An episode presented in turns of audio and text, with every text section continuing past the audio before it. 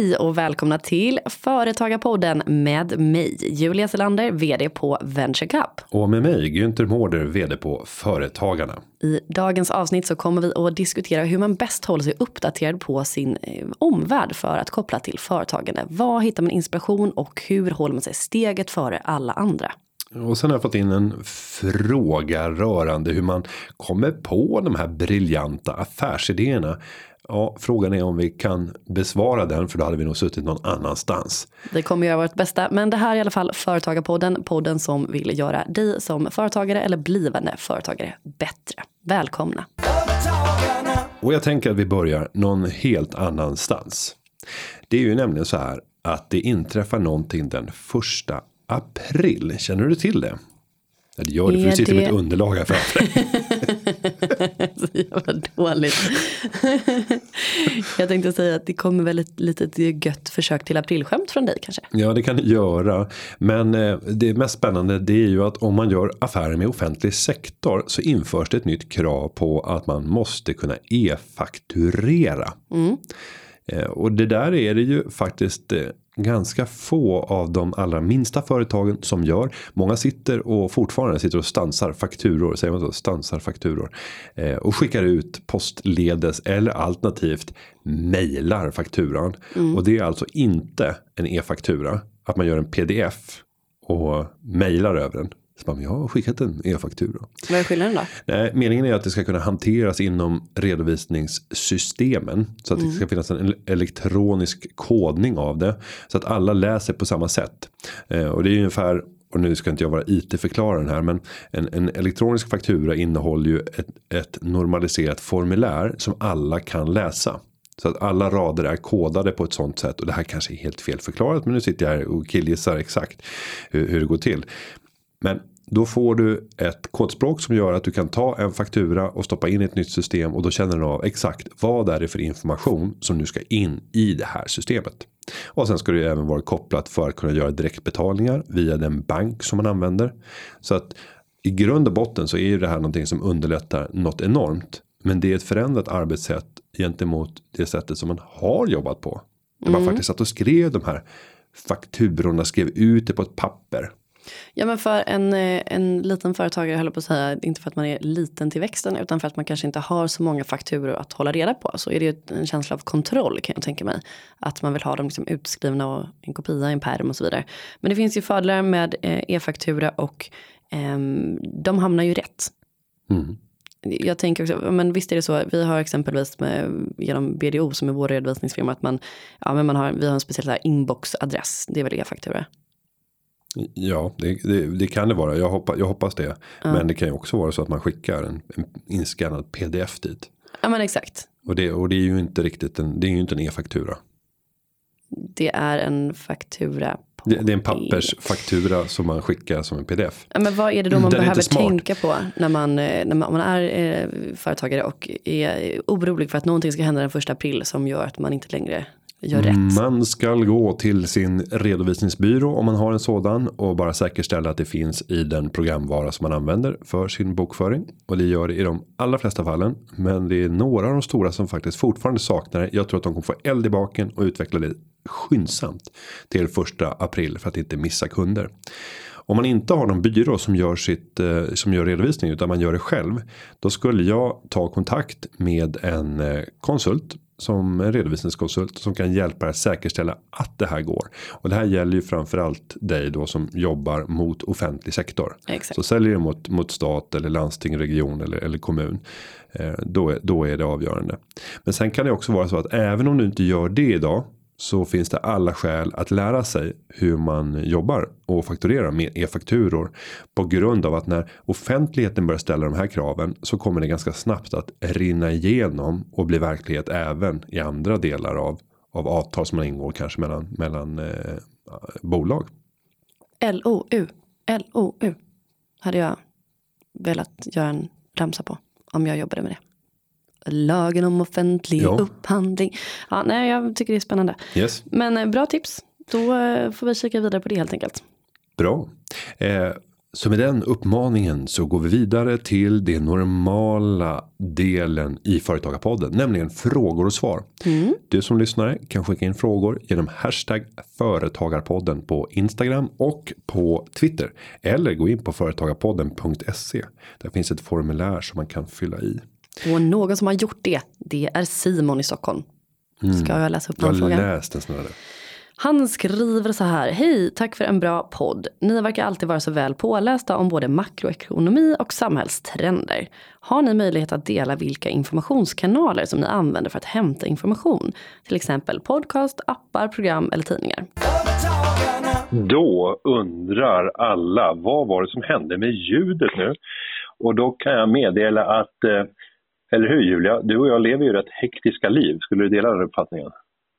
Ja, men det får man väl ändå säga. Det är otroligt viktiga personer. Ja, väldigt viktiga. Så det här innebär mm. nu att eh, jag är på väg upp till eh, Åre för att eh, träffa företagare och moderera under skid-VM och du har begett dig ner till Skåne. Var i Skåne är du? Till södern. Eh, just nu sitter jag i Malmö, igår var jag i Lund. Jag är här av eh, mötesanledningar men också det viktigaste som finns som företagare. Jag har haft utvecklingssamtal med några kollegor här. Oj, shit fick... vad viktig du är. Jag är så viktig och jag ja. fick eh, tack och lov vara kvar som chef ett tag till, tyckte de. Så det var bra. Jag det Men ja, därför är ljudet inte helt ultimat. Men eh, bear with us. Mm. Och nu har vi fått en fråga då från Simon. Och när det gäller mm. just att eh, hålla sig uppdaterad kring informationskanaler så skulle jag först vilja avslöja någonting. Och det är ju att jag är en sån här P1-junkie. Kan man säga så?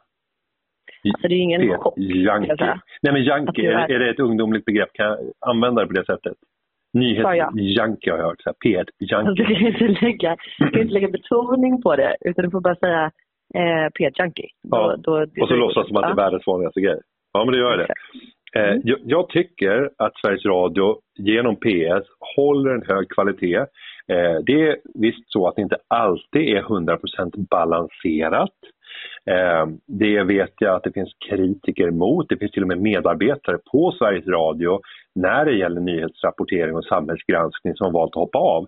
Och då vill jag komma till den andra jankin som jag är. Och då vill jag slå ett mm. slag för Kvartal.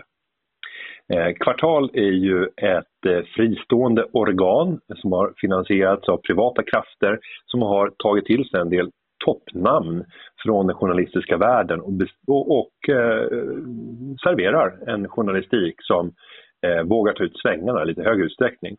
Men ska vi ta just P1, vad är det mest intressanta som jag ser det? Vilka program är det? Och då skulle jag vilja, nu kör vi! Ja, då, då tänker jag att man börjar när man vaknar med Ekot.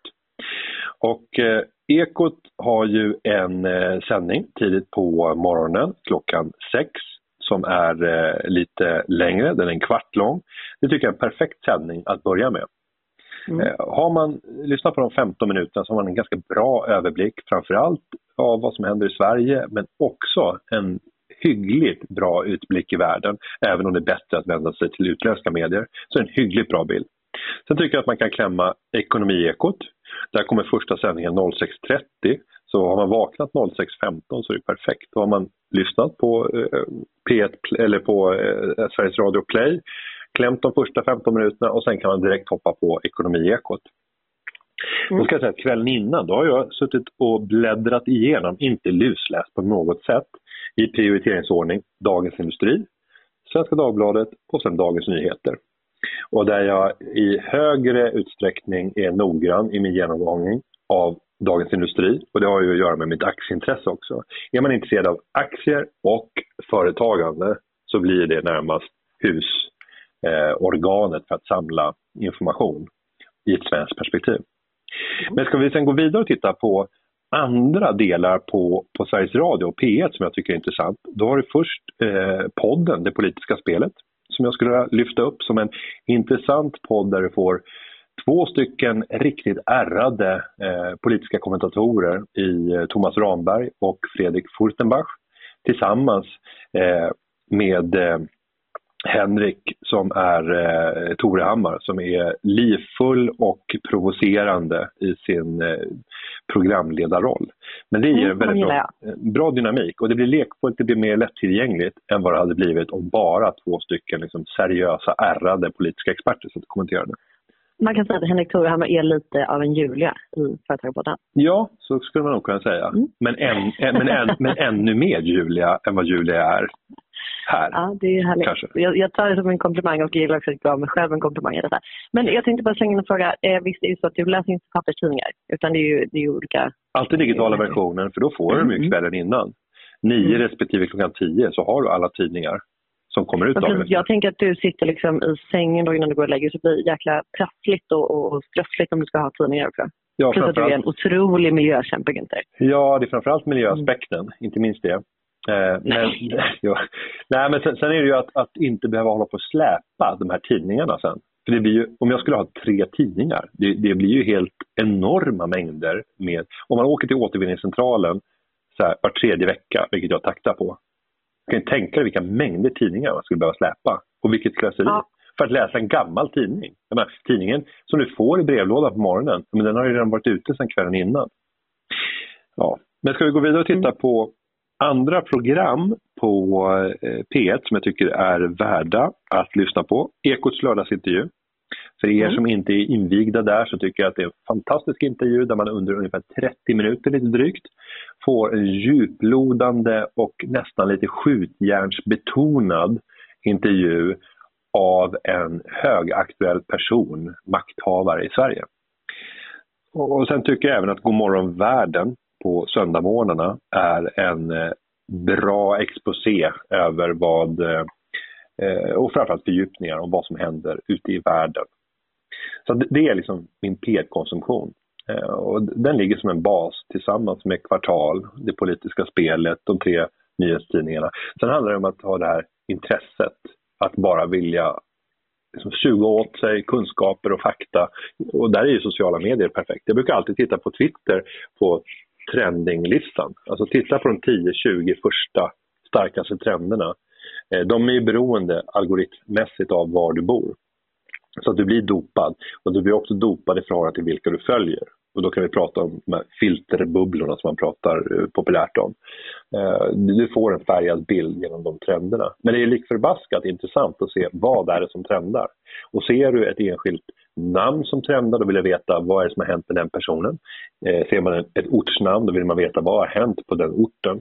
Och sen så att se till att följa intressanta profiler som kan erbjuda lite djupare tankar kopplat till samhällsutveckling. Så att, eh, ja, Simon, jag vet inte. Vad skulle du vilja lägga till till Simon när det kommer Ja, men jag är ju inte som du som är då eh, på ett mystiskt sätt sponsrad av P1. Men jag skulle ändå också vilja slå ett slag för P1 Ekot. Alltså jag eh, pendlar ju 20 minuter varje dag till jobb och då är det perfekt att sätta på eh, Ekot faktiskt. Nu ska jag väl ärligt säga att det gör jag inte varje dag, men när jag har lust. Eh, Vad konkurrerar Ekot med? Eh, bok. Bok. Och då är alltså, det via Storytel eller... Alltså gå och läsa en bok, det är väl en hörbok misstänker jag? Nej, absolut inte. Jag avskyr det. Jag vill ha riktiga böcker. Ja, ja, för då tänker vi när du sitter ner. För det är ju svårt jag när man är på rusan, man kan också, i rusande takt. Nej, man kan också stå och läsa. Det är ju bra för magmusklerna. Och eh, jag skulle säga att man känner sig också lite mer speciell än alla som står och liksom morrar och är jättesura. Jag skulle säga att eh, man får liksom ett tvärsnitt på samhället genom att titta på eh, humöret i tunnelbanevagnarna på alla dagar förutom fredag så hatar folk varandra. Mm. Det tycker jag är lite pinsamt. Men, ja, nej, men så jag läser gärna, jag, jag, läser allt men jag älskar romaner, jag älskar liksom thrillers och eh, sånt. Jag gillar böcker som folk inte läser så jag avskyr, vad ska man säga, typ deckare och sånt inte. Men i alla fall. Så jag läser det för att det är min enda meditation för min hjärna. Så att, eh, I konkurrens med nyhetsuppdatering liksom, så är det 50-50 skulle jag säga. Um, men sen så om vi då pratar nyheter så det tycker jag är perfekt för det är som du säger 15 minuter så då får man lite snabb koll. Sen älskar jag ju Omni. Uh, både vanlig Omni och Omni Ekonomi. Mm. Um, och sen så kollar jag alltid breakit.se lite för att få koll på liksom vad som händer i startupvärlden, om det är något kul som har hänt. Eh, jag brukar lyssna på söndagsintervjun, inte lördagsintervjun, utan söndagsintervjun i P1. Alltså det är lite mer intervjuform. Eh, eller förlåt, alltså lite mer så här, liv och sådär. Eh, men nu har ju den en paus, så eh, det... Och den behövs ju inte för nyhetsvärlden. Nej, men jo, för det här vill jag komma till. Mm. Att eftersom vi lever i ett samhälle där man kan skapa sitt eget nyhetsflöde så tycker jag att mitt bästa tips till alla är bli inte stressade eh, av att man måste hålla sig ajour med allt. För då kan du ha som heltidsjobb och bara ta till information. Och det är såklart väldigt lyxigt att man kan det, eh, kostnadsfritt i dagens samhälle. Men jag tycker att det är många som blir stressade av det. Så känn inte att ni måste bli nya Günther och eh, göra exakt som han gör utan skapa det som ni mår bra av att ta till. Nu låter jag som Eh, jag ska få ut någon konstig diktatur här. Lyssna på Julens nyheter för då är allting kul och glatt. Nej, men, alltså, så här, ta till er på det sättet som ni gillar att uppdatera på. Så att om det är liksom att lyssna på eh, ja, men Ekot på morgonen och lyssna eh, och titta på eh, eh, liksom, nyhetssammanfattningen på kvällen på tv, gör det så räcker det tycker jag. Men eh, därför tycker jag också att man kan blanda upp med lite så här, vad händer i samhället? Hur förstår jag min eh, omvärld? Och då är liksom söndagsintervjun i P1 alltid intressant. Jag tycker att populärkulturella poddar, typ Alex och Sigge, typ En varg söker sin podd, alltså eh, sådana typer av poddar. Man behöver ändå hänga med i sin omvärld tycker jag. Så att jag skulle vilja ändå rubricera dem som någon slags nyhetsflöde. Eh, sen så gillar jag också alltså, podcastdjungeln. Men har du något slags intresse av företagande och startups, vilket jag antar om du lyssnar på den här podden, så är ju tips How I Built This, en podd som är fantastisk med Guy Raz. Um, och sen så tycker jag också att man, alltså, Last Week Tonight är typ ett humor eh, uppdateringsnyhetsprogram eh, som finns på HBO Nordic som är svinbra. Um, sen skulle jag också vilja säga att Företagarpodden håller mig ajour. så alla lyssnarfrågor gör att man måste stå på tårna, vilket är väldigt bra. Jag tror jag hade mindre koll om det inte var så att, att um, podden var en del av mitt liv. Och sen så vill jag också skicka med en liten uh, bubblare. Mm. Och det är om man känner sig deppig för att det händer så mycket skit i världen. Då kan man gå rakt in och börja följa Lilla Aktuellt på Instagram. De är så jäkla gulliga. Alltså de har så himla bra eh, programledare som skriver liksom, såklart barnversionen av vad som händer i världen. Och då kan man titta på framförallt kommentarsfältet där, vad alla barn liksom svarar. De är jätteengagerade vad de tycker om de här nyheterna, hur de har reagerat, eh, vem som varit dum i regeringen och sånt. Det är otroligt kul och väldigt eh, framtidshoppsingivande om man säger så. Um, så att, uh, ja, lite annat uh, informationsflöde än vad du har Günther. Men uh, jag tror att det är en bra blandning. Ja, och det kompletterar oss här i, i podden också. Mm. Så att ett tips är väl också att men, någon, någon slags eller några slags eh, informationsflöden för att du ska hålla relation med liksom, vad som händer i världen och i Sverige och i din samtid. Um, och lyssna antingen lyssna eller titta och bestäm i vilket medium du vill ha det på vägen till jobbet eller på vägen hem eller i badet eller i sängen eller vad du nu gör. Men sen också såklart att det finns jättemånga olika typer av eh, sätt att uppdatera sig i sin bransch. Så att eh, kolla upp det. Det finns ju poddar inom allt. Mm. Mm. Ja, men jag tror att vi har eh, förhoppningsvis eh, gett lite perspektiv till, till Simon. Mm. Ska vi gå vidare till nästa fråga från Ludvig? Det gör vi. Vill du läsa? Jag läser. Nu ska vi se. Um, Hej! Hur kommer man på affärsidéer? Många säger att det bästa är att jobba först för att få erfarenhet i en bransch och sedan starta eget. Men jag känner att jag vill starta något innan jag skaffar barn och binder mig på olika sätt. Ser fram emot era tips säger Ludvig i Varberg. Vad säger mm.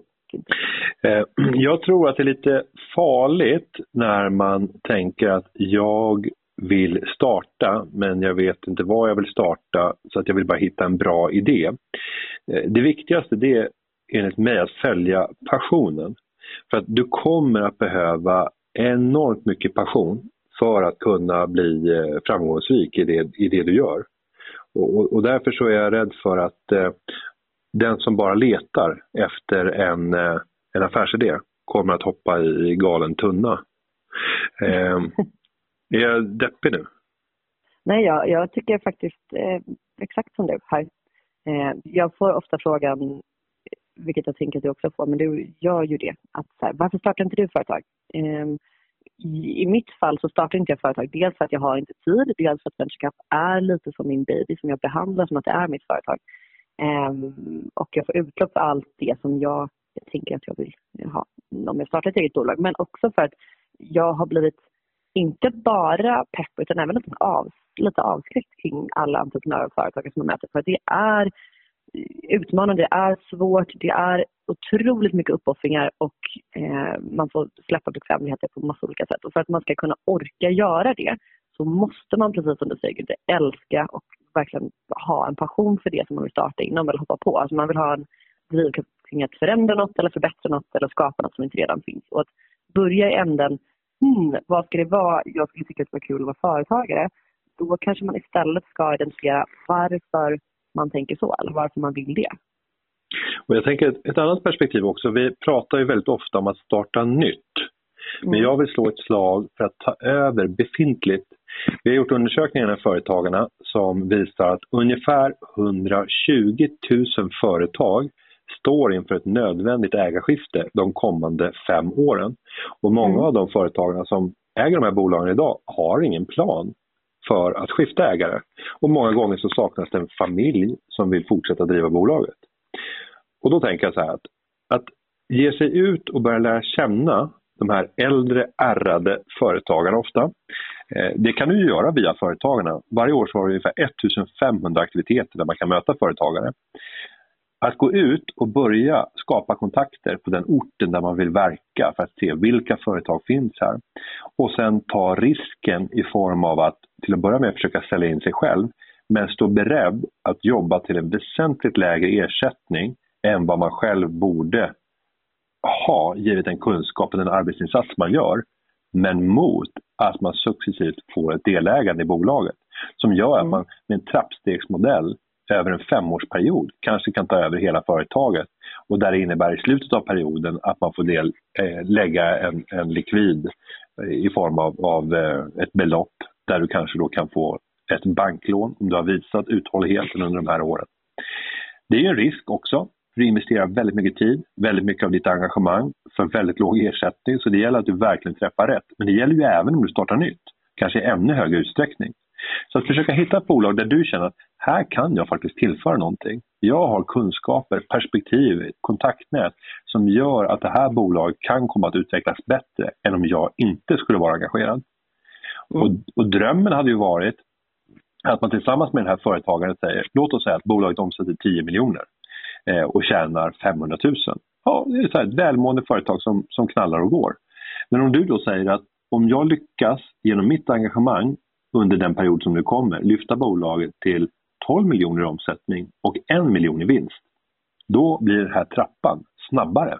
Då kommer mitt övertagande av bolaget gå snabbare. Så att man gör en trappstegsmodell som är beroende av bolagets prestation. Ehm, för då kommer dina ja. incitament också att öka kraftigt till att lägga ner den sista timmens arbete som får den där försäljningen att gå i lås eller den där sista kronan att sparas eller eh, verkligen lägga ner all den tid som behövs för att utvärdera underleverantörer som ska välja för, för just det här enskilda projektet eller liknande. Men jag skulle också vilja tipsa där om att jag eh, vet att du också vet om det här, men eh, det finns en tjej som heter Katrin Sagerud som är eh, men, bekant, som är superduktig. Och hon gjorde exakt det, tog över ett bolag som var gammalt och eh, dammigt och liksom satte sin prägel och sen blev nominerad till Entrepreneur of the Year och det går jättebra för bolaget och ni kan läsa mer om ni bara googlar Katrin Fagerid och eh, Mekina AB tror jag att det heter. Mm. Eh, som är liksom ett eh, verkstadsföretag tror jag, med olika typer av eh, industrimaskiner, jag vet inte. Men, eh, men gå in och kolla det och läs om, om den berättelsen för det är superbra exempel på att man faktiskt kan ta över ett bolag och liksom rassla nytt liv i det istället för att stöpa någonting från grunden för då har du kanske ett varumärke, du har befintliga kunder, du har jättemycket erfarenhet eh, och kanske eh, medarbetare som man skulle kunna eh, motivera och förnya. Liksom. Eh, och det, det är ett bra tips. Men, men jag tänker också att alltså, frågan var också ställd här, innan jag skaffar barn och binder upp mig. Mm. Jag tror ju att om du ska starta ett bolag eller ta över ett bolag så kommer du att lägga otroligt mycket tid och kraft lång tid. Alltså det är ett långt engagemang. Du kan inte bara starta ett bolag och sen tänka att ja, men om, om tre, fyra år, då vill jag skaffa barn. Då, då kan det gå av sig själv. För då vill jag väldigt gärna veta vad det är för typ av företagsidé. Um, mm. Jag tror att uh, kanske snarare titta på, okej okay, men varför vill jag så himla gärna starta ett bolag? Är det för att jag vill kunna bestämma mer över min egen arbetstid? Är det för att jag eh, har ett intresse som jag tycker är jättekul som jag gärna vill jobba med eller är det för att jag vill bli väldigt rik eller ja, vad det nu än är och titta på hur kan jag istället eh, tillgodose de här behoven kanske i min nuvarande roll eller i en ny roll, eh, nytt arbete, vad det nu kan vara. Men, men jag tror att svaret på alla drömmar är kanske inte att bli egenföretagare även om det naturligtvis är supercoolt. Det är ju det jag brinner för att hjälpa folk att göra. Men det, det är också svårt att utmana. och om drivkraften enbart är ja, det verkar kul, jag vill göra det nu innan jag får barn. Jag tror att man kanske måste börja där och snickra lite. Vad säger du? Jo, jag tänker på en annan dimension. För han säger ju binder mig på olika sätt. Han vill göra det innan han binder sig. Och det vanligaste sättet som vi binder oss på det är att vi lägger oss an en för stor kostnadskostym. Eh, mm. Som gör att vi inte har råd med flexibilitet. Vi har inte råd att lämna vår anställning för att helhjärtat under ett år satsa på en affärsidé som man har. Utan skapa de möjligheterna. Du kan genom att lägga om ditt privatekonomiska liv se till att du bygger upp en buffert som gör att det är aldrig den ekonomiska frågan utifrån ett personligt perspektiv som kommer att begränsa dig. Det är inte för att du måste ha din månadslön som du stannar kvar på ditt jobb. Och det där är bra oavsett. Även om du inte har tänkt att bli företagare så är det en väldig befrielse att göra det som ja, Birgit Friggebo, nu är det inte så många som kommer ihåg henne kanske från 90-talet, finansminister, eh, sa att alla borde ha en årslön på banken. Det är provocerande att säga det, men ack så värdefullt. Och många kan klara det. Alltså under en femårsperiod så är det inte svårt att faktiskt bygga upp det om man har ett jobb. Om man har en inkomst. Att spara 20% av sin inkomst och lägga undan det i sparande det är för de allra flesta möjligt. Och då på fem år utan ens avkastning så har du en, månads, en, en årslön på banken. Och plötsligt så kan du då leva ett år och, och, utan att ha några som helst andra inkomster. Och ofta så kan du hitta några andra inkomster under en uppstart. Ett så kallat fuck you-kapital. Ja, fuck off. Mm. Fan, nu sa jag fel. Ja. Jag sa också fan, och nu har jag sagt det två gånger. Men fuck you-kapital. fuck off-kapital, fuck you-kapital. Jag tänker att det är också ett typiskt eh, uttryck som förekommer nu eh, i så här, eh, empowering women tjohejsan. Att så här, ja, men som kvinnor så är man oftast mer ekonomiskt beroende eller utsatt än mm. vad män är, speciellt i relationer och det kan vara anledningen till att man stannar kvar i relationer som inte är bra. Och det är därför som eh, uttrycket har myntats som fuck off-kapital, bland annat. Att man inte behöver liksom vara beroende av någon annan, inte minst någon partner som är dum mot en. Men fuck you-kapital tycker jag var roligare. Ja. Ja, men jag håller med. Ja. Um, men jag tänker också så här, om jag får flika in här, nu kanske det här är ännu mer provocerande. Men mm. eh, skaffa inte barn då. Eller? Mm. Ja. Jag har inga barn, det går hur bra som helst. Jag, det, går, det går jättebra för mig. Nej, jag menar bara att det går bra att inte ha barn. Alltså, jag mm. vet inte om jag någonsin vill ha det. Jag tycker att det verkar jättekul och mysigt men också ganska jobbigt. Mm. Um, så att eh, det, man måste ju faktiskt inte göra det. Jag som har många, många barn får ju slå ett slag då för barn och jag kan även lägga men, på... Nej, men det är typiskt för det måste, all, alla som har barn måste ju göra det. Alltså, det är liksom någon slags självuppfyllande grej där att man liksom också säger att ja, men det är faktiskt det bästa som händer. Mm, är det det? Kan man inte bara källa med någon annans barn? Jag kan ju umgås med dina barn, det kan vara ju mm. jättehärligt, eller? Jo, men det jag skulle vilja ta upp det är den samhällsekonomiska aspekten. Att ett samhälle klarar sig inte med mindre än att vi faktiskt har en tillväxt och att det finns mm. personer som står beredda att göra det arbete som tidigare generationer har gjort men göra det lite bättre, lite smartare om vi vill ha den där drömmen om ett samhälle som för oss framåt och utvecklas. Japan vi behöver alltså personer som offrar sig och skapar barn. Ja, Titta på det japanska exemplet eh, och det kommer även bli ett problem i Kina där man har alldeles för små barnkullar. Men i Japan så är det ju så, när, när du ligger långt under 2, det behövs väl 2,1 i födelsetal för att du ska vidmakthålla din befolkning utan ut och invandring. Eh, men Japan ligger långt, långt under det. Även Italien ligger väldigt risigt till. Då skapar det samhällsproblem. Eh, och hur ska man göra då när du har en åldrande befolkning? Enda lösningen på det, det är ju att successivt höja pensionsåldern så att man tvingas jobba tills man stupar. För det finns inte tillräckligt med folk under. Alltså man pratar om en befolkningspyramid och det är ingen tillfällighet. Eh, för det samhälle som vi har byggt upp baseras väldigt mycket på att det finns en eh, befolkningspyramid, att det finns en grundläggande tillväxt. Det där kan vi debattera kring är det mm. nödvändigt? Är det nödvändigt ur ett lyckoperspektiv? Ja, ja sen, sen tycker jag att vi kan slänga in det här med aktiv dödshjälp i ekvationen. Ja, ja, då tar vi den också. Ja. Eh, men skämt åsido, det känns som att det finns tillräckligt mycket med barn. Gå ut på gatan och kolla. Alltså det räcker att du sätter dig på ett fik en vanlig vardag. Jag gillar att argumentera på känslobaserade eh, argument. Det, det känns alltid framgångsrikt. Skämt åsido. Nej men självklart är det så. Men jag vill bara slå ett slag och slänga in att man måste inte skaffa barn. Eh, så, mm. så är det. Mm. Men om man ska göra det och frågan som vi egentligen svävade iväg från var vad ska man starta för bolag? Vad är det för tips för att komma på affärsidéer? Ja, ditt tips och mitt tips är ju att om du ska skapa bolag eller testa affärsidéer, eh, gör det inom någonting som du tycker är kul. För det som man eh, tycker är kul blir man förstås bra på och man behöver vara väldigt bra på att eh, det man behöver göra för att skapa ett bolag helt enkelt. Eller se om du kan ta över ett bolag eller se om du kan skapa ett fuck you-kapital. Mm.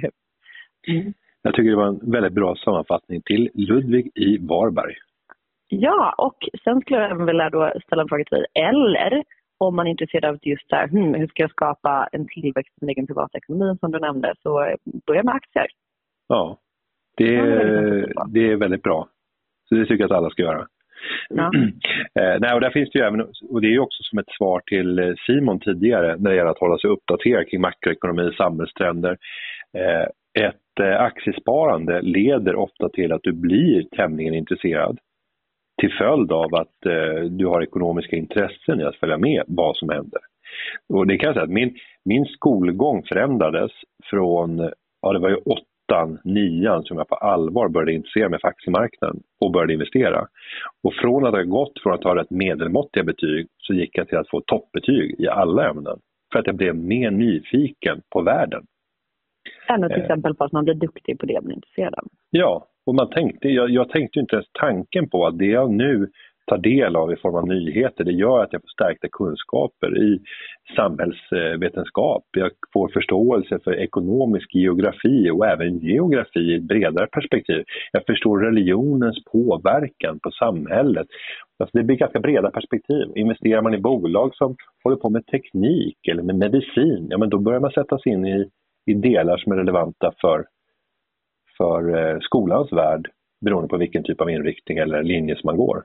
Så att om du är väldigt ung och fortfarande pluggar så kan det finnas bara skäl för att kunna få fina betyg. Att faktiskt ägna eh, en större del av din privata tid åt att uppdatera dig och hålla dig ajour med samhället. Mm.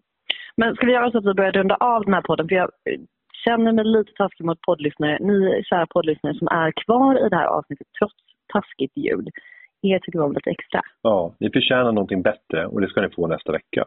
Ja, det ska ni. Och nästa vecka så tänker jag att vi, om ni har frågor och funderingar kring den nya regeringen, överenskommelsen, januariavtalet som har knutits, vilka delar i avtalet kommer vara viktiga för dig som företagare. Alla frågor eller funderingar kopplat till det skicka in dem antingen på Instagram eller på, på Twitter under hashtag Företagarpodden eller så går ni in på företagarpodden.se. Där kan man fylla i ett formulär med frågor. Så kan vi se om vi får in ett, ett gäng frågor att besvara på det området. Mm. Eller om ni vill ha eh, djupare tankar i aktiv dödshjälp eller FAQ-kapital ja. och så vidare. Så de, de delarna. Som vanligt. Ja. Och med det kan vi säga att den här podden den har förberetts av David Hagen och klippningen eh, sorry, den är gjord av Gustav Dalesjö. Vi hörs igen nästa vecka. Ha det gott! Ha det fint, hej! Hej, hej!